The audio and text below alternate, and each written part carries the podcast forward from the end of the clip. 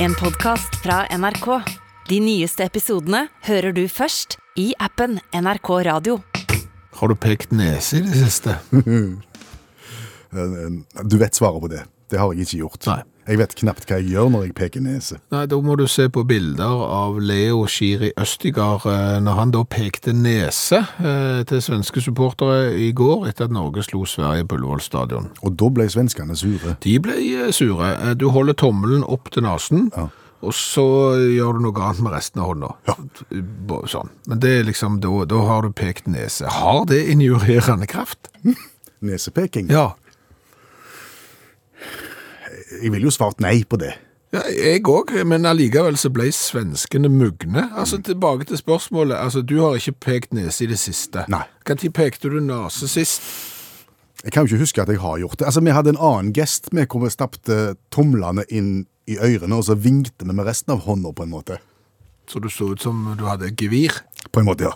Vinkende gevir. Ja. Og det gjorde vi når vi på en måte pekte nese. Vi gjorde det bare på en litt annen måte. To, to tomler i ørene. Og hallo? Ja. Var, var det mange som ble sinte da? Altså ble de sånn Var det på grensen til harnisk når dere stappet to tomler i ørene og vinket? vinkte til Nei, men det var jo litt det var jo, du, du sa jo fra på et vis ved å gjøre det på den måten. OK? Ja. Ja. Men ikke Du kunne jo vist langfingeren, eksempel, mye sterkere. Jo, men altså tilbake til altså, din form for uh, nasepeking, eller tid, altså, gjorde du dette? For dette var jo ikke i går. Nei, nei. Altså, Du har ikke stått til sjefen for eksempel, i det lønnsoppgjøret og to tomler i ørene og vinkt. Det har du ikke gjort. 70-tallet. 70-tallet, ja. Det, det er tilbake til det. Ja. Har, har, har noen av ungene dine eksempel tatt opp tradisjonen? Nei, Nei.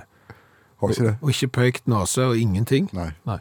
Jeg vet ikke tid nesepekingen sto sterkest, jeg. Nei, det var derfor det ble, jeg ble så oppsiktsvekkende det som Leo da gjorde i, i går, for jeg har liksom ikke sett det. Nei. På aldri ting. altså du hadde jo eh, Petter Northug, han gjorde jo en sånn en hilsen eh, til svenskene i, om det var i Falun for en del, mange, mange år siden det også, Ja. etter hvert. Men, men, men utenom de to gangene der, så klarer jeg ikke se hva tid dette ble gjort sist. Jeg føler at dette var noe som folk gjorde når barn da gikk rundt i eplenikkers i tweed og rulla på sånne tønnebånd med pinne. Og, og syntes at alt var jovialt alle tider så kjekt. Og gjerne siterte Juster og sa mot normalt, og så lo alle. Har du fått det på kassa, sa folk? No, no, noe sånt. ja. Så jeg, jeg skjønner ikke helt hvorfor uh, svenskene føler seg så veldig tråkka på når de har blitt uh, pekt nase til. For jeg tror ikke nasepeking har injurierende kraft. Nei, også med tanke på hva som blir sagt på en fotballbane. Spiller til spiller, Ja. spiller til dommer, publikum til spiller, og, Og alle. publikum til publikum, og alle. Ja. Det er jo så mye stygt. Så, så hvis da Leo pekte nase til publikum, Ja. og svenske publikum, og de følte seg tråkka på, så har de stått og brølt, som du sier, til de norske spillerne, og de svenske Ja, ja. til og med, og i dommeren, og kalt de for ting som ikke hører hjemme noe sted. Ja. Hvis han har på en måte gjort det til de svenske spillerne, og de ble, eh, følte seg tråkka på eh, fordi at han pe pekte nase, så vet vi jo alle hva svenske forsvarere gjerne sier på en dårlig dag. Til, til angripere fra Jæren. ja, ja. ja. Det, det, og Det er ikke fint det heller. Det er ikke fint det heller. Nei. så det er bare tull og vass. Ja. Det der må dere tåle. Hallo, ja? Hallais, Klingsheim. Hei, Stavanger-smurfen. Stavanger-kameratene, go, go, go. Jeg skal trege deg igjen. Do you read me? Ja, jeg hører deg, men det er veldig mye vind. Ja, det er veldig mye vind. Kald vind òg. Ja. Vent litt, jeg skal ta så krype inn i teltet her, så blir det bitte litt bedre. Så kan du høre hva den vise mannen har å si. Sa du teltet? Ja, ja, ja, jeg er i basecamp. ok. Ved, ved foten av, him, eh, av Himalaya der ved med Mount Everest. 5360 meters høyde. Oi, Alle tider. Her svinger det så bare det. du. Ja. For ei uke siden så snakket vi sammen. Da var du i et kloster i Nepal. Ja, eh, skulle- Pang, Pangbok, eh, Pang Pang. Ja, og skulle finne deg sjøl. Ja. Gikk det så fort? For å si det sånn, jeg har alltid visst hvor jeg har meg sjøl. Det der var bortkasta tid, og det var bare humbug fra ende til annen. Det var jo sånn eh, pyramidefrelsing. Oi. Ja, bare rør. Det skulle være gratis, og så skulle jeg være der da som en sånn en uh, klosternovise. Men det var jo bare gratis i tre kvarter etter første uka. Hvis du skulle nå til neste nivå, så måtte du ut med 13 500. Andre uka 16 4, 19 3, 22 Sant? Og så videre. Det er jo ingen ende på det. Det er kjeltringer i lagen. Mm. Nei, de så fromme ut på innsida, og inni, inni så var de plukk råtne. Så jeg stakk. Ja, du stakk, ja, men det er et stykke derfra til, til basecamp ved foten av Himalaya. Det er ikke så langt som du tror, Klingse. Kvinnesland heter det. Ja, samme kan det være. Jeg reiste da til Katmandu, Ja, eh, og så traff jeg en sånn en støver fra Australia. fra, fra Australia. Ja, mate. Might, Ja. ja. Så meg og han kom ut røsten, sant? Han hadde opplevd litt ting her, og jeg fortalte jo at jeg hadde jo opplevd en ting og to jeg òg i, i livet, og eksperimentert litt og, og sånn, og var i stand skulle finne meg sjøl og finne andre og alt slags. ja. Så han støveren der, han, skulle da til, til Mount Everest. Han skulle klatre, ja. Ja. Oh, ja. Så, så han eh, inviterte meg med da i støtteapparatet. Stilig. Ja, så, så derfor er jeg i basecamp eh, og gjør forefallende arbeid og 5360 meter uh, over havet. Men gikk dere fra Katmandu opp der, eller Nei, det er ingen som går kring Sim. Har du ikke greie på dette? Klint. Altså, Alle de der som klatrer opp til Mount Everest, det er jo barnemat, vet du. De gjør det jo mest ikke sjøl. De blir jo båret på på hender og føtter opp gjennom sånne sherpaer og de. Og jakkokser og alt. sånt. De bærer jo ikke en drit. Så jeg satt jo bare på en sånn jakkokse opp gjennom. Jeg For å si det sånn, ingen problem i det hele tatt. Men det er de som sier at høyden kan bli et problem, selv om en ikke er på toppen av Mount Everest. Ja, vet du, ikke, Hvis du ikke er riktig skrudd sammen, så er alt et problem. Men for meg jeg kjenner ikke en drit. Ikke kvalmen? Ikke kvalme, ingenting. Livet synges, og bare fuglene fiser her oppe. Det, det er ikke fugler, forresten, for det er så høyt. Men det er veldig bra, altså. God stemning og Ja. Men har de andre dratt videre, og du er igjen i basecamp, eller hva er greia? Nei, du skal akklimatisere deg. Akklimatisere deg? Ja. ja. Så du skal ligge der noen eh, uker da, eh, eventuelt. Og, liksom venne deg til høyden. Og så tar du sånn suksessivt. Ja. Opp gjennom og ned gjennom. Litt lenger opp gjennom og litt lenger ned igjennom. Og så opp og ned, og så opp. og Til slutt så er jeg opp. Er, er det tanken at du skal være med helt til toppen? Ja, jeg skal bli første Stavanger-smurf eh, på toppen av Mount Everest. Hva er det høyeste fjellet du har vært på så langt? Toppen av Ulandhaugtårnet. I Stavanger? Ja. Hvor høyt er det? Ikke spesielt høyt. Det er 200-300 meter? Det er ikke så mye engang? Dette er one small step for a giant smurf in a small world and uh, something. Ja. Så dette blir sykt bra, det kan jeg love. Jeg skal plante det der uh, flagget på toppen. Jeg har med meg sånn fra ei kransekake, vet du. ja. Et sånn et lite norgesflagg som jeg skal, skal plante der oppe på toppen. Og så skal jeg gifte meg med Diana Ross etterpå. Er det vanlig, det òg? Det er vanlig når, når, nordmenn eh, klatrer opp på Mount Everest, så kommer de ned og så gifter de seg med Diana Ross. Ain't no mountain high enough. Yes. Ain't no mountain wide enough. Jeg hører eh, livet svinge. Det svinger, ja. For å si det sånn, her oppe er det fri flyt av all slags greier. Det kan jeg Det er helt partytelt i det her, altså. Her vi de ting på bålet, så inhalerer du sånn greier, vet du. Og så får du sånn eh, Ja, får du kontakt med, med deg sjøl og det indre livet og sånn. Det er god gang her oppe. Ser frem til å høre fra deg når dere begynner å gå. Ja, ja, ja, vi snakkes, Klingsheim. Kvinnesland, Samme kan det være. ha det godt. Over and Nå skal vi til farsdagsforvirring. Ja. Altså, det høres ut som en sånn en vandrevits. Sant? Hvis du har et belasta område i en eller annen by, så liksom, hva er toppen på kaos? Eh, farsdag i. Eh, men det er ikke den typen farsdagsforvirring vi skal til. Nei, eh, for jeg fikk sånn farsdagskort i forrige uke. Farsdagskort? Ja Kall det hva du vil. Altså fra fra en eh, leverandør av eh, headset og, og, og den slags hifi-ting. Ja, sånn som du lytter til musikk på, ja. Ja. Eh, svært eh, flott kort. Feir far med flott lyd. Denne farsdagen kan du gi far noe han vil elske og glede seg over hele året. Se vårt utvalg, osv. Mm. Den fikk jeg da 7. juni. Ja. Jeg tenkte det var tidlig i forhold til farsdag, som er i midten av november, vel? Ja, du må ikke spørre meg. Nei, jeg spør ikke deg, jeg bare antyder det. Ok, eh, så, så farsdag er i november? Ja. Ok, Farsdag i november, morsdag i februar. og du fikk denne 7. juni? Ja. Greit å være tidlig ute. Ja, det lurer Om det var det som gjorde at jeg fikk det, at jeg er blitt såpass gammel at jeg alltid er greit å være Du er jo blitt så gammel at du synes det er greit å være tidlig ute. Ja, Men dette var kanskje i overkant tidlig ute. Og så er det jo litt rart at eh, feir far med flott lyd, det er jo ikke du som skal få den. Nei, det er jo ikke det. Det er jo kona di som skal få den. Eller ungene dine som skal få den. Ikke du. Nei. Så, men jeg har videresendt den, da. ok. Ja, men det, det er lurt. Ja. Men så lurer vi på hvorfor skjer dette her. Er det en naturlig forklaring på at et svært internasjonalt selskap sen bommer med et halvt år på farsdagen i Norge? Altså, Vi har jo da begynt å forske i farsdager. Ja. Eh, og denne mottok du 7. juni. Vi har jo funnet ut at Litauen og Danmark de har farsdag 5. juni, så da kan du si at de var to dager for sent ute. Ja, Hvis de trodde jeg var dansk, Ja. eller litauisk. Eh, eller så kan de være akkurat de eh, fem dagene før som du kanskje trenger til å handle det du skal handle, fordi at 12. juni så er det nemlig farsdag i Belgia og Østerrike. Men hvorfor skulle jeg bo der? Hvorfor ikke? Fordi at jeg har ma- mailadresser som slutter på NO. Nå, nå bare leser jeg. Jeg leser. Nå, nå, nå bare leser jeg. Eh, I Tyskland så har de eh, feirer de farsdag på Kristi himmelfartsdag. Eh, det er i forbindelse med at Jesus på den dagen, ifølge kristen tro, reiste tilbake til sin far i himmelen. Å ja, Så så, da har- de farsdag på en helligdag, da? Ja, ja, ja. Så da kan de selge headset og ha gudstjeneste samtidig på Kristi himmelfartsdag. Eh, 5. desember har de farsdag i Thailand. Da er det fødselsdagen til kong La det navnet ligge. Ja. Eh, faren til nåværende kong, vi lar det navnet ligge òg. Ja. Og det du prøver å si her, det er at farsdager er helt forskjellige fra alt etter hvor du er i verden.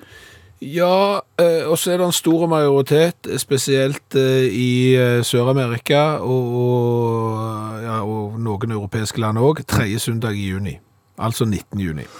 Ok, er USA med i den Ja. batchen? Tunisia, Tyrkia, Tobago og Sør-Afrika, Sveits og Storbritannia og Vietnam og en bråde med land eh, har da farsdag tredje søndag i juni, som i år er 19. juni. Kan det være at eh, det selskapet som heter Bose, da er amerikansk og har tatt sine egne preferanser i bruk og sendt eh, Vi har farsdag 19. juni, så da har de sikkert det resten av verden òg. Enten så har de drevet grundig research, eller.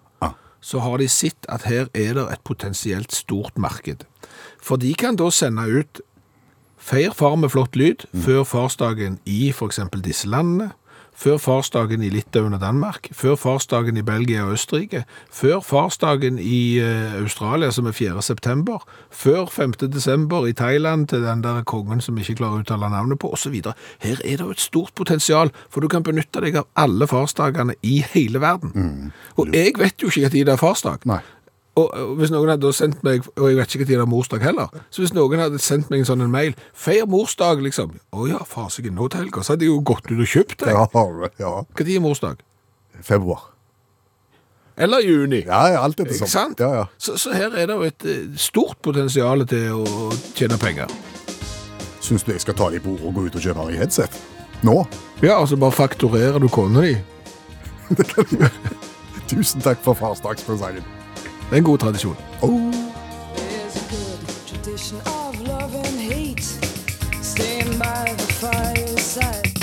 Når så du en person gå, gå med tannpirker i munnen sist? Kan ikke huske å ha sett. Nei.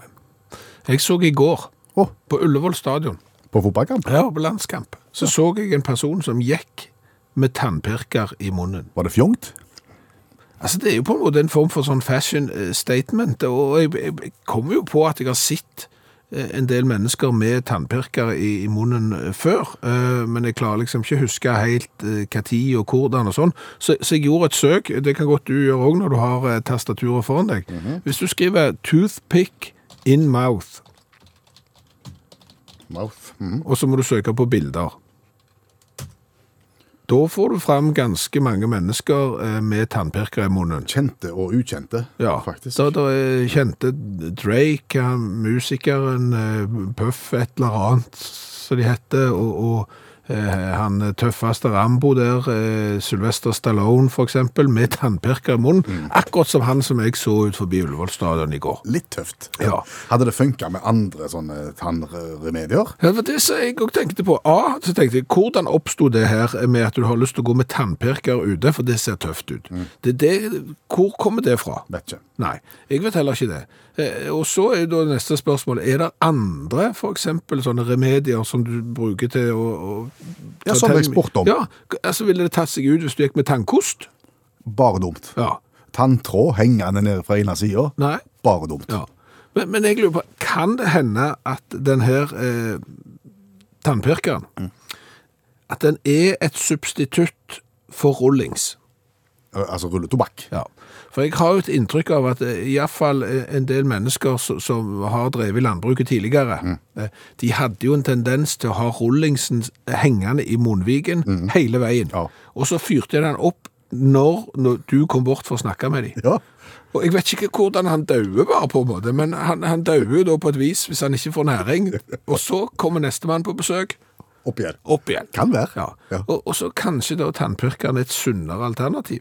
Kan være. Men, men hvor står du foran speilet, så ser du, vet du hva, i dag kjører jeg eh, buksa med press, tar jeg på meg den skjorta der, tar jeg på, føler det noe som mangler, skal vi se, tannpirker. Tannpirker er det som mangler, den må jeg få i munnen, så ser det alle tiders fjogt ut. Allmennlærer med to vekttall i musikk, Olav Hove, har bursdag i dag. Ja, håper morgendagen blir mye bedre. Ja, for akkurat nå så ligger jubilanten hjemme med sykdom og feber. Ja, og, og tankene våre går jo til de pårørende, som er nødt til å ha eh, to meter mannfolk eh, på sofaen hjemme med, med snue. Men intet radioprogram, intet utakt uten Hove. Nei, så, så vi lette litt i, eh, i, i gamle ting, og, og fant noe som vi syns er brennaktuelt. Fordi at eh, når vi skal ut og reise nå til sommeren, så er det jo ting vi må passe på. Du har jo den der vandrehistorien med alle disse P-ene. Du må ha pass, mm. pilletter og p-piller og sånn. Ja. Kjempegøy. Ordspill. Og så må du ha helsetrygdekort. Ja. Og hvor er nå de hen?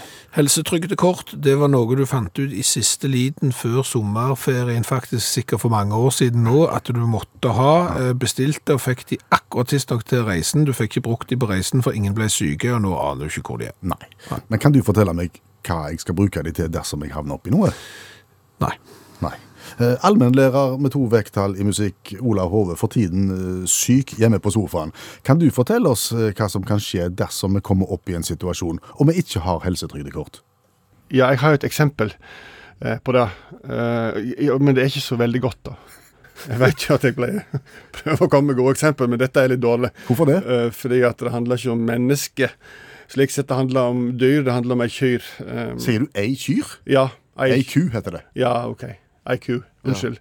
Uh, var dialekt. Men iallfall, vi skal til Bulgaria og landsbyen Kopilovtsi. Og, og, og storfebonden Ivan Haralampjev, som slepte sine kyr på, um, på beite rundt 1. mai. Uh, og da gikk de og surra i nærheten av garden hans. Flokken sammensveisa fin gjeng, bortsett fra Penka, den drektige kyrne hans, som har Kua.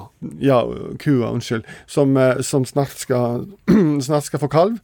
Hun gikk sine egne veier og tenkte at eh, hvis vi ser over steingjerdet der, så er det mye finere og grønnere og bedre gress. Så hun fant en åpning i steingjerdet og gikk inn der og begynte å beite og kose seg helt alene i fred og fordragelighet. Problemet er at da har Penka gått ut av eh, Bulgaria og inn i Serbia. Okay. Og ikke nok med det, hun har gått ut av EU. Ja. Uten helsetrygdekort. Uten helsetrygdekort. Ja, for det er ingen som informerer, som bonden sier senere òg, det er ingen som har informert kyrne om at det her er ku, unnskyld, kua, om at det her, her, her nå har det gått over grensa. Nei. Fins ikke grensekontroll for kyr, kuer eller krøtter, storfe. Uansett, uansett så, så, så finner en serbisk bonde denne her, eh, denne penka, og, og vil returnere den til den rette eieren. Eh, og så er det en veterinær i nærheten som, som sier at eh, kanskje vi skal sjekke penka litt, for de er litt rigide borte i EU, eller rett over gjerdet her borte. så han sjekka kyrne ganske grundig. Eh, Kua? Ja. og, og, så, og sier at dette, og skriver en attest der det står at dette her er ei drektig, gravid um, eh, eh, Ku? Ja. I sin beste alder og form. Ok. Og, og, og returnerer da penka. Til, til den godeste Ivan, som blir lykkelig og glad for dette. her. Så viser det seg at bulgarske myndigheter har fått med seg dette her, og sier at beklager, vi må nok avlive eh, penka. Fordi at eh, det er ikke lov eh, å innføre eh, storfe til EU. etter at de har tatt den ut. Ja, altså, hvis du først har forlatt EU, Ja, så så, så, er det ikke bare å komme tilbake. Nei, selv om det er over market, liksom. Det er, sånn, det er litt sånn humpete plen som har ført den over. Eh, og, og bonden sier at men eh, unnskyld meg, altså det, kyrne mine går inn i Serbia hele tiden. De surrer att og fram, men det blir ikke oppdaga tilfeldigvis. Ja, men nå har vi oppdaga det, vi må dessverre ta livet av. Eh, eh, og da er sjefsveterinæren Jubomir Jubomirov, som han faktisk heter, fascinerende. Det er kunstnernavn på sjefsveterinærer i Bulgaria, antageligvis. Han sier at eh, altså hadde det vært opp til han, så skulle han selvfølgelig latt eh, benka få leve, men love er love, og det har ikke lov å ta inn igjen. Så, så er det en eh, er det bl.a. folk i Europaparlamentet som skriver brev og slikt. sånne ting til den bulgarske statsministeren Bojoko Borisov, sånn heter òg kunstnernavn, vil jeg anta, og ber han om å kan du skåne denne stakkars kuen. Storfe, de bejura dyret. Eh, eh, og, og, og han er jo bare statsminister, han kan jo ikke, han kan jo ikke skåne denne her eh, penka. Nei, nei. Han er, hendene er jo bondene på. Og, og så sier da Jubomir Jubomirov at, at problemet her er at Ja, det var kunstnernavnet til han ja, Sjefsveterinæren. Ja. Ja. han sier det er, alt er greit. Han hadde med seg helseattest inn att i EU, men hun hadde ikke med seg helseattest når hun gikk ut. Nei. Og det er jo et re regelverk.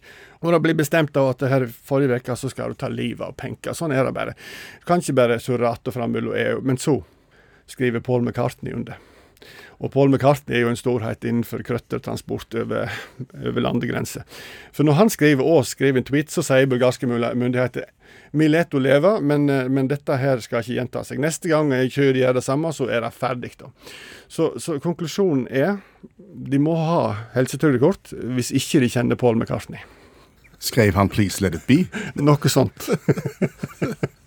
Tusen takk, allmennlærer med to vekttall i musikk, Olav Hove. Vi skal smake på cola nummer 350, og vi trenger en fanfare. I form av korps, Ja, eller? ja, kom an.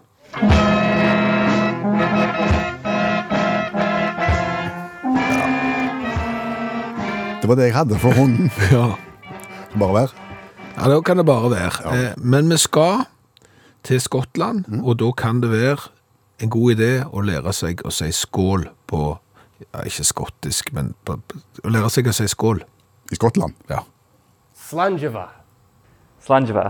Slangeva. Slangeva. Slangeva. Slangeva. Slangeva. Slangeva. Slangeva. Mm. Litt rart, for det skrives med slange M. Ok. Jeg, trodde, jeg trodde det var cheers, jeg. Men det er Cheers. ja. Nei, det er i England. Eh, Vi skal nemlig smake på en cola som vi har fått fra Magnhild. Hun bor i Kemnøy i Aberdeenshire, eller noe sånt. Eh, Den heter Bon Accord. Eh, Og den er da fra en familiebedrift grunnlagt i 1903, eh, Robb-familien.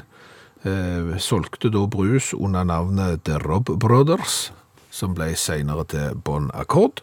I år 2000 var det kroken på døra, og takk for oss, etter nærmere 100 år med brushistorie. Var det frivillig akkord, da, eller? Da var det kanskje frivillig akkord. I 2016 så åpna de igjen, de var da tilbake igjen, og det var grunnleggerens tippoldebarn som sto i spissen for det, og siden har de produsert brus. Ja. Han ser jo litt stilig ut, den flaska du sitter med her. Ja, ser han litt kul òg, for, for her på sida så står det liksom eh, at denne brusen her må du snu på hodet før du åpner den, før du smaker den. For det er sikkert fordi at er, de har masse sånne naturlige ingredienser og greier oppi, så da har vi gjort det. Og så står det òg I'm Scottish. I don't like direct sunlight. den er gøy. Ja. Og det har vi jo sett. eh, Skotter på fotballkamp, f.eks. i Syden, det er aldri noe kjekt syn. Eh, Denne brusen har da selvfølgelig ingen unaturlige ingredienser. Alt er fra moder jord og vel så det. Eh, Den er da, eh, søtningsstoffet her er kokosnøttnektar. Oi sann. Ja. Greit. La oss beskrive flaska. Det er glass. Den er 0, eller er 025 eller 33? Den er 0275. Å, tull, tullestørrelse. Tullestørrelse med skrukork på toppen, en eh, etikett der det står båndakkord på toppen, og så er det det som ser ut som en halv vannmelon på midten. Ja, faktisk. Ja. Og det er jo litt rart med tanke på at det var kokosnøtt som var i. Ja, men vanner i det. Jeg kan legge ut bilde etterpå. Eh, skal vi prøve? Ja, spent. Gøy med sånn skrukork. Ja. Og den er veldig svart, kan jeg se. Ja. Åh, da, da, da, da, da, da, da. Rantadantada. All right. Da får vi se. Bare naturlige ingredienser, litt kokosnøtt og Hva lukter det? Det lukter noe jeg ikke har lukta før. Ja. Jeg er helt enig. Jeg prøver å sette navn på det, men jeg klarer det ikke. Du trenger ikke nok lukte hardere. Jo, for å få det inn. Å, fy! Hva var det for noe skvip? Skvip, det var surt og Overhodet ingenting som minner meg om cola. Nei. Men altså, for eksempel dette på en sånn eh, solskinnsdag sammen med et eller annet. Altså, det kunne, men du må ikke kalle det cola. Jeg ville aldri hatt det på en solskinnsdag eller noen ting. Nei, jeg. Nei. Ikke godt. Det er ikke vondt. Vi har ikke cola. Jeg ville si uh, Altså, jeg skal langt, langt langt ned her, men jeg kan ikke bli helt historieløs, så jeg, kan ikke, jeg må gi to. Jeg har Altså, smakt, han- jeg, jeg smakt verre. Ja, men han er ikke... Jeg, jeg, er- jeg liker jo eksperimentell smak i utgangspunktet, men jeg kan jo ikke kalle det cola. Så colafaglig er det jo kolossalt svagt. Mm. Så jeg er med på to, men han smakte kanskje til fire, hvis du skjønner. Men cola er det to. Så var det flasker da, og, og, og litt sjølironi med, med skotter og solskinn og sånt. Ja, ganske tøffe. Han, eh, den er oppi i en seks-sjuer, faktisk, i Det design. faktisk det. Han er, han må, må ikke glemme at han er veldig liten. Ja, det, da trekker han litt ned. Ja. Jeg tenkte sju, men det ble seks. Ja, da går jeg på fem. 11 og 4 er 15, og det er ikke noe høydepunkt. Nei. Slangeva. Du, eh, det utvida kulturbegrepet, der er jo idretten godt inne. Eh, og det å, å kombinere på en måte store mengder mat og kultur eh, har jo vist seg å være problematisk. Jeg vet ikke om du husker rekebordet på Fosshaugaden når Sogndal spilte kamp? Jeg tror det var rekebord i pausen, ja. Ja. Det var ikke lurt. Nei, fordi at rekene var vel plassert ut i robåter blant annet, sånn så skulle folk gå og forsyne seg, og så ble det mye skall, og så ble det mye graps, og så Måker. kom det måker, ja, og så klarte du ikke å rydde vekk alt det rekeskall og sånn, så det lukta vel reker på Fosshaugaden eh, omtrent- omtrent en dag i dag, hvis Ja. temperatur, temperaturen er rett. Ja. Eh, Men, men jeg jeg kom over en historie om bandet Smash Mouth. Kjenner vi deg? Det gjør du kanskje ikke hvis jeg sier navnet Smash Mouth, men du har garantert hørt deres største hit, for du har sett tegnefilmen Shrek. Ja. der har de en sang, og, og den har du hørt mange ganger. Eh, så den skal du få høre seinere. Men, men poenget er at Smash Mouth de var da inviterte til å spille på en matfestival i Colorado i USA. Akkurat. Denne festivalen hadde jo klart det kunststykket at en av standene på, på, eh, på festivalen ga vekk gratis brød. Ja, Og de hadde mye. nettopp. Eh, Og historier forteller jo det at pensjonister og småbarnsforeldre og, og ungdommer, de heier jo til seg gratis brød, for gratis mat er ingenting som er tøffere enn det. Nei. Nei. De tok rett og slett litt mye. Det fløyd med brød på denne festivalen. Overalt. Folk tråkte i brød og bar på brød og spiste på brød. Og når da eh, Smash Mouth eh, kom på scenen, Ja. så hadde jo en del av disse festivaldeltakerne, i tillegg til å, å, å med seg ganske mye brød, de hadde jo de Fått, had- fått i seg en del andre ting De hadde bedøvd seg litt, ja, Ja. eh, Med, med flytende. Så de begynte å bli i vel godt humør. Ja. Så når da bandet kommer på scenen, så begynner folk å kaste brød På de som synger og spiller. på de som synger og spiller. Hva syns de som synger og spiller om det? Frontmannen Steve Harwell, han ble dritsure. You throw one more piece of shit on fucking stage, I'm gonna come find your ass. I'm gonna beat your ass wherever the fuck you are out there, okay? OK, hiver du ett brødstykke til, så kommer jeg ned og tar deg Ja. og banker deg opp. Og hva tror du da skjer hvis du kommer med den setningen til en gjeng med blåskjenkte folk som er armert med brød herfra til evigheten? Da kommer det mer brød. Da kommer det mer. Da begynner det å hagle.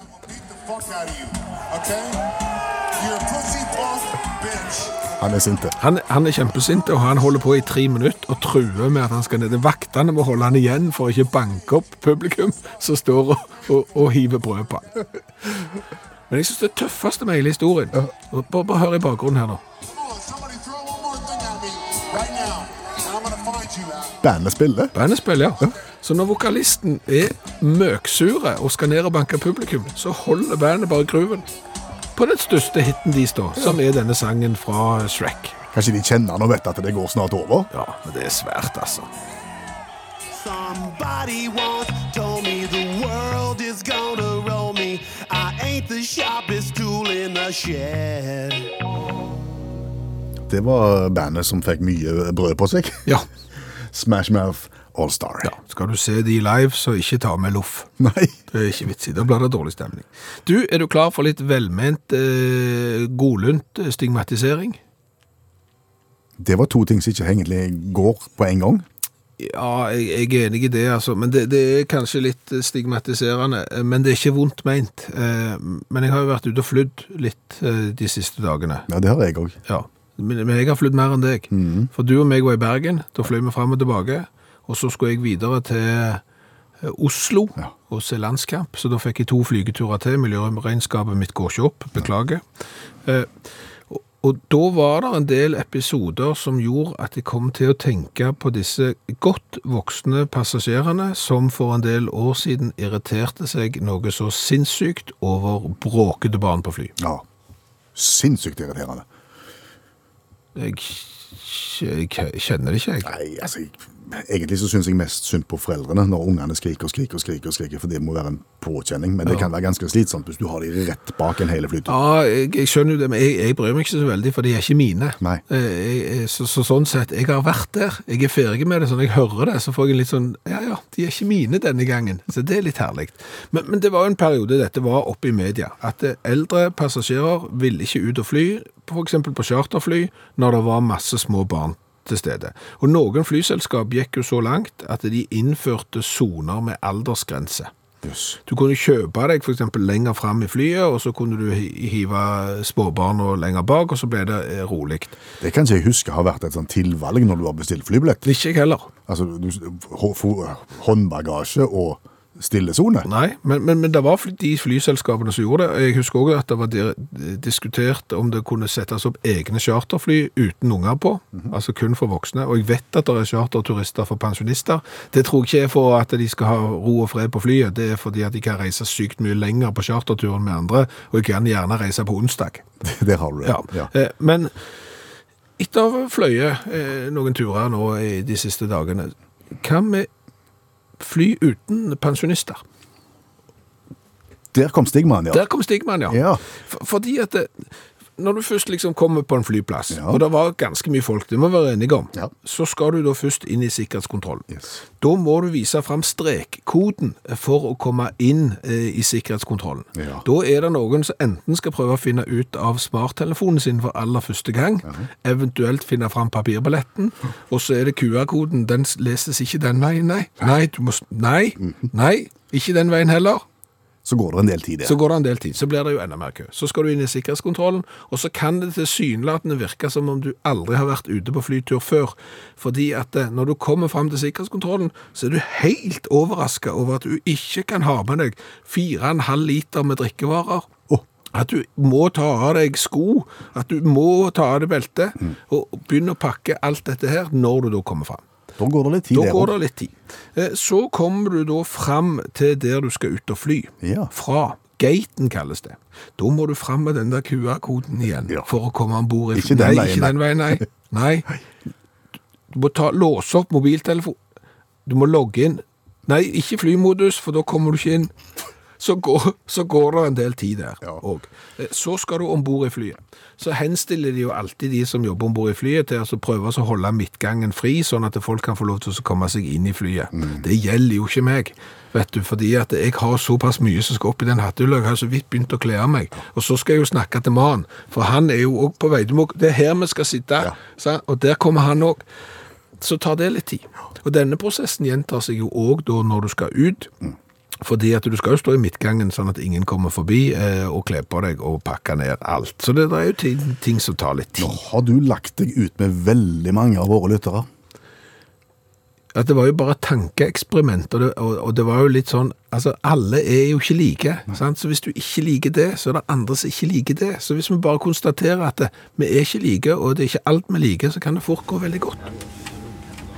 Før avgang minner vi om at mobiltelefonene må settes i flymodus eller slås av, og laptoper skal være avslått og plassert i håndbagasje under avgang og landing. I dag er vi råcrazy på alle vis. Vi går helt ut av rammene. I anledning jubileet, tenker du? Ja. For vi har testa cola nummer 350 i dag. Ja. Fra hele verden. Ja, den var fra Skottland, den som var nummer 350. Den var ikke god. Den var ikke god. Nei. Eh, Men for å komme videre i livet, for å passere 350, så tester vi en til. 351. Ja. Den ser rar ut, det må jeg si. Ja, altså, vi har fått den fra Håkon Lie. Og, og hvis du tenker at eh, Ja, hvis du tenker at det nå er en eh, staut Ap-politiker som er stått opp fra de døde og har kommet med cola til utakt, så er det feil. Eh, Det er på en måte en navnebror eh, som jobber i samme bedrift som oss, NRK. Han har da vært ute og lagt en sånn dokumentarserie som dere kanskje husker, om, om det engelske eh, landslaget på ski. Ja. The Olympic Drøm. Og da når han var på den turen der, så fant han en del cola, har sendt til oss, og vi skal i dag smake på Fritz Cola Mishmash. Mishmash. Mishmash, kjøpt i Dresden. Aha. Greit. Hva, hvorfor heter han Mishmash? Altså, vi har vært borte i Fritz Cola før, og det er jo en litt spennende historie. Det er jo eh, en, en, to kamerater, eh, Mikro og Lorentz. Driver altså mikrobyggeri? Mirko heter han, men det er lett å lese feil. Altså, Mirko og Lorentz, eh, når de var ferdige på universitetet i 2002, så kom ideen om å begynne å lage brus. Og den, og den, skulle, være- nei, og den skulle være sterk, Ja. Eh, for de fulgte den med masse koffein, eh, heiv det oppi eh, sånne tomme ølflasker som de hadde fått tag i, og lagde da sin Fritz Cola. Det var starten. Og etter det så har de jo ekspandert voldsomt i Tyskland, og så har de lagt mange forskjellige varianter som vi har smakt. De er sånn midt på treet gode. Ja, de er veldig kule, men de er midt på treet. Så er det jo et eller annet med tyskere og cola og appelsin. Ja, det har vi vært borti før. De, de blander gjerne i det. Ja, Messomix eh, har vi smakt, eh, og det er det mange som heter. Eh, Fritz Cola sin, blanding av cola og appelsin, heter Mishmash, som sagt. Eh, inneholder 4,5% med appelsinjuice, 3 eh, sitronjuice, og en halv prosent mandarinjuice, og resten er cola. Mm. Og når vi da ser på han, så ser han ut som en Ja, hva ser han ut som? Han ser ut som et barneselskap. Ja, det kan du si. Solo og cola. Ja. Som noen har også Ja, jeg vil ha litt av den og litt av den og litt av den. Da ender brusen sånn. Og så er det båndfall igjen, så vi er nødt til å snu den før vi åpner den. Og så har han en etikett som er så tøff at jeg ville hatt den på T-skjorta, og jeg hadde sett ut som et vandrende diskoemblem fra 70-tallet. Skal legge ut bilde i Facebook-gruppa til uttak, så er det litt vanskelig å forklare. Nå må vi smake på brusen til Håkon Lie. Kamerater. Ja. Au. Hvorfor sa du au? Fordi jeg klarte å åpne flaska sånn at korken spratt ned i T-skjorta. Det er godt til radio. Ja. Den ser jo ikke appetittlig ut i det hele tatt. Den ser litt sånn grumsete sølevann, egentlig ser det ut som. Og det lukter sitrus. Og det lukter mest mindre sitrus eh, av denne enn den eh, skotske vi hadde i første time.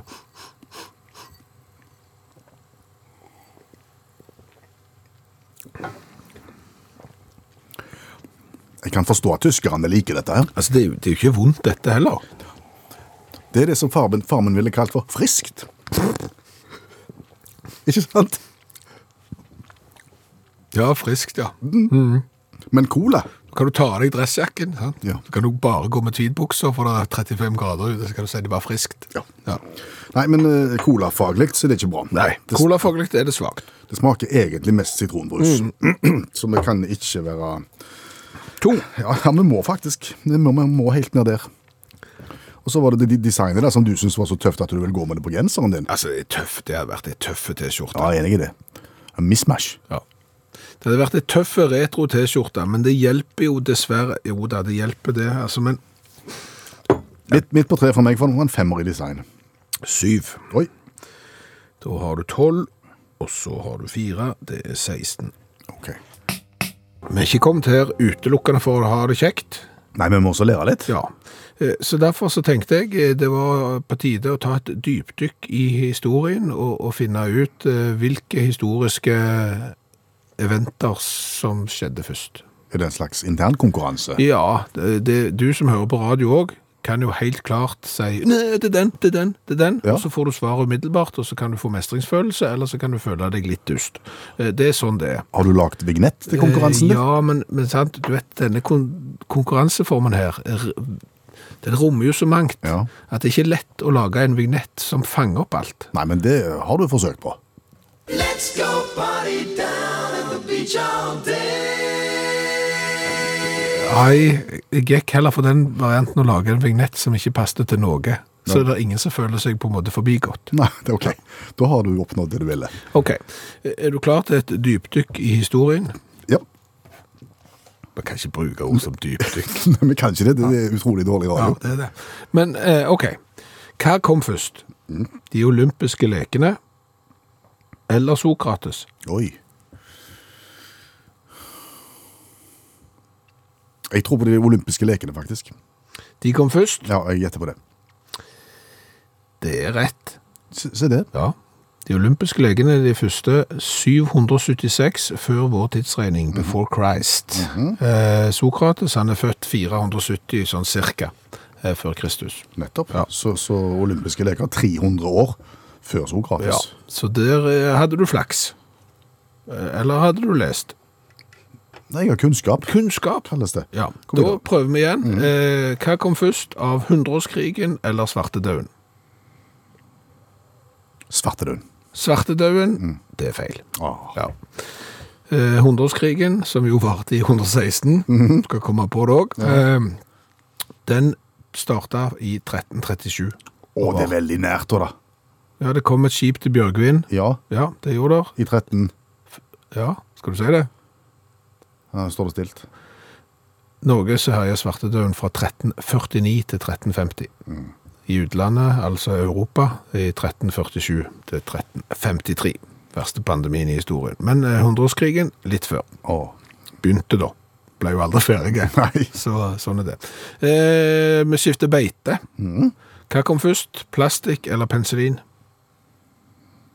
lurespørsmål, tenker jeg. Gjette for plastikk. Det er rett. Ja, ja. Plastikk, helsyntetisk plast, eh, først oppfunnet av belgiske-amerikanske kjemikeren Leo Berkland i 1908. I 1928 beskrev Alexander Flemming den bakteriedrepende virkningen av muggsoppen penicillicum. Ja. Ja. Og kommer jo på markedet noen år senere. Da skal vi til to eh, monument. Hvilket kom først? Frihetsgudinnen eller Eiffeltårnet? Eiffeltårnet kom jo til verdensutstillingen i rundt 1900, tror jeg. Frihetsgudinnen var nok noe før det, vil jeg tro. Frihetsgudinnen kom først. Ja. Det er rett. Eh, Den der 1900-resonnementet ditt er feil, eh, for det er veldig nært. Frihetsgudinnen avduka oktober 1886 som en gave til det amerikanske folket for det franske folket, og litt Karmøy, siden kobberen kom derfra. Mens Eiffeltårnet ble innvia i 1889. Oh. Ja. Ja. Så det var et par-tre år om å gjøre. er vi ferdige da? Ja, var ikke det nok? Jo, jo, jeg synes det var akkurat passe. Jeg syns du klarte det godt. Takk. Eh, Drikkevann. Mhm. Hva er det? Det er det vannet vi drikker. Så, så hvis noe er ikke drikkevann, Da drikker vi det ikke. Nei. Nei. Hvor går grensen? Det er noe de voksne setter. Ja, det overlater du til andre, så Ja. det har du ikke tenkt på. Nei, men det er noe med innhold, eh, altså det må være så så rent for at du skal kunne definere det som drikkevann. Ja, jeg prøvde å finne ut av det, og det, det ga jeg opp, fordi at det Kan var... det være vanskelig? Nei, men det var for mye tall, og kan ikke sitte og ramse opp. Eh, Så det, det var et sånn meningsløst eh, radioprosjekt. Men, men det som jo er litt interessant, det er jo på en måte at det er en sånn grense for eh, hva ting kan inneholde for at det skal være drikkevann. Og hvis det ikke inneholder den der grensa der, så er det ikke, så, så er det ikke drikkevann. Nei. Men det er ikke noe gråsone. Nei, nesten drikkevann, tenker du. Ja, så hvis du eksempel kjøper melk, Ja. så står det sånn best før dato. Hva står under der? Eh, Men ikke dårlig etter. Ja, sånn at du kjøper melk, og så nærmer han seg, og så går han ut på dato, og så lukter du på han, og så kan du fremdeles drikke han, og så er det jo først når han begynner å gå ut av melkekartongen av seg selv, at du tenker det her går ikke. Så, så da drikker du han ikke. Og det er jo en del andre sånne produkter også. Eh, Så kjøper du deg skinke, og så lukter du på han, og så Ja, det går akkurat, og så gikk han akkurat òg. Du kjente at han var på grensen, men han gikk. Dagen etterpå så går han ikke i det hele tatt. Men med vann så er det enten drikkevann eller ikke. Selv om når det er ganske tett opp til å ikke være drikkevann, så er det ikke sikkert det er spesielt bra. Men det bare, og når det går akkurat over, så er det jo nesten like godt som det var når det ikke var godt. Du skjønner? Ja, jeg skjønner. Ja. Men er ikke det litt greit at det ikke er sånn gråsone drikkevann? For det ville du ikke hatt. Det er sånn røffelig drikkevann. Ja, det er om, omtrent. Men, men så var jeg inne for det er jo drikkevannsforskrift. Eh, Mattilsynet har lagt ut eh, drikkevannsforskriften. Eh, det ble litt tungt språk for meg. Eh, når jeg passerte paragraf 13 andre ledd, så datt jeg litt av. Men drikkevann, det som overrasker meg bitte litt, er at drikkevann er ikke bare det vannet som skal drikkes. Nei. Nei. Det er òg det som brukes til andre husholdningsformål. Og da tenker du selvfølgelig matlaging og sånn. Men det står òg her som eksempel rengjøring. I toaletter. Å ja? Skulle tro at ikke du stilte de samme kravene til, til dovask. som- Det, det, som- tenk, det tenkte jeg òg. Det, det tenkte jeg òg. At liksom, her skal du ha. Vi, vi, bruker det både, vi bruker det både der og der. Det er samme kvaliteten, for det har eh, de voksne sagt i Mattilsynet. Vet du hva jeg har hørt? Nei. At vi drikker Themsen når vi er i London. Drikker vi Themsen? Ja. Har du sett Themsen? Jeg har sett Themsen. Og hvis du syns at Akerselva ser pjusk ut sånn rent fargemessig, så skal du se på Themsen. Men er ikke Themsen er ikke det saltvann, da? Nå spør du mer enn jeg kan svare på. Jeg har bare lest at vi drikker Themsen, at det har blitt eh, virkelig uh, fiksa på og ordentlig. Vi har tidligere i dette programmet eh, insistert eh, ganske kraftig på at f.eks. de som drifter et hotell, eh, skal gi informasjon om hvilke grupper som bor på hotellet. Mm. Sånn at du kan vite hvem som eventuelt blir naboen din i gangen. Og Det handler jo ikke bare om f.eks. å vite at 90% av hotellet er fulgt opp av eh, fotballspillere i alderen 7 til 13 eh, med altfor mye sukker i kroppen. Det er ikke bare det. Gjerne kops.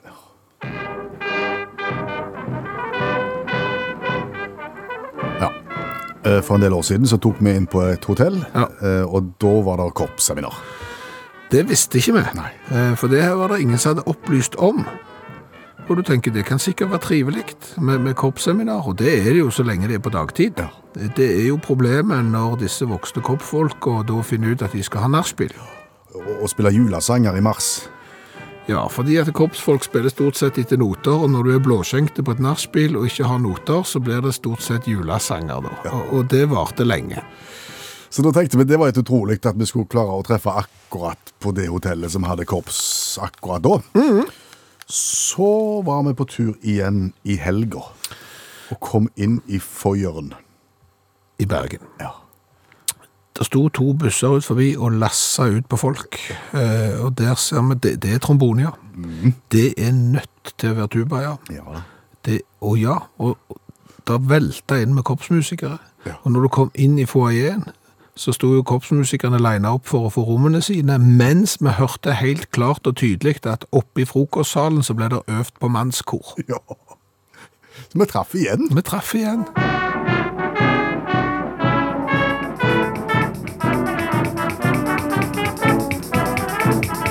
Hva har vi lært i kveld? Mye. Ja. Eh, vi har jo lært det at det er ikke alt som uttales likt som det skrives. Altså Hvis du har lyst til å utbringe en skål i eh, for eksempel Skottland, Mhm. så sier du da et ord som begynner på S, og så kommer det et ord til som begynner på M. Mhm. Eh, og det høres sånn ut. Slanjava. Slanjava. Slanjava. Ja. Og, og sånn skrives det ikke. Så, så det har vi lært. Så har vi lært det at det er ikke alt som er tradisjonsrikt som nødvendigvis er godt, eh, og det er kanskje ikke vits i å børste støvet av alt, eh, fordi det er ikke sikkert at ting var bedre før. Vi har nemlig smakt cola fra eh, Skottland, eh, fra en fabrikk grunnlagt i 1903, som ble lagt ned i år 2000, og som de børsta støv av igjen i 2016. Det hadde de ikke trengt. Eh, Colaen hadde de i hvert fall ikke trengt å børste støv av. Den kunne bare fått ligget der han lå. Så har vi jo lært det at det er i hvert fall ingen av de som hører på utakt, som blir spesielt støtt hvis du peker nese. Nei. For det gjorde jo da Leo Leo ja. til svenskene etter landskampen. Han pekte nese, svenskene fornærma. Ja. Eh, injurierende kraft på nesepeking? Nei, det har vi vel lært. Så har vi lært det at store, globale, internasjonale selskap, eh, de eh, skaffer seg eh, nye markeder med å bare bruke farsdager sånn som det passer de. Ja, for farsdager er det jo i all verdens varianter gjennom hele året rundt omkring i verden. Jeg fikk farsdagstilbud i juni eh, fra en leverandør av headset. Og i Norge så er jo ikke farsdagen før i November. november. Men det er farsdag i juni, eksempel i Danmark og Litauen, Belgia, Østerrike og andre land. Og plutselig så kan du sende ut sånne reklamer, og vips, så har du skaffet deg et eh, marked, for jeg vet jo ikke tid det er verken morsdag eller farsdag, så hvis jeg hadde fått sånn tilbud, så hadde jeg tenkt, jeg må kjøpe kake. Så hadde jeg kjøpt marsipankaker på 1, 2, 3. Lurt. Så har vi jo lært det, at det er kanskje på tide å skaffe seg helsetrygdekort. Mhm.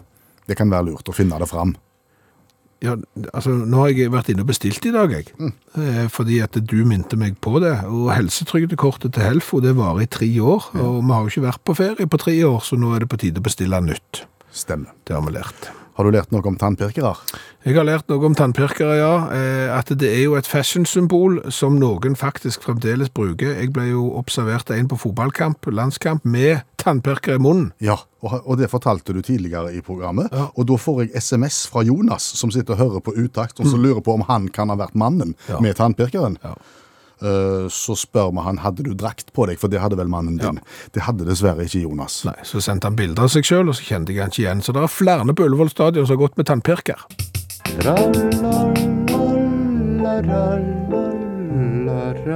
Jaha, det var ikke mer.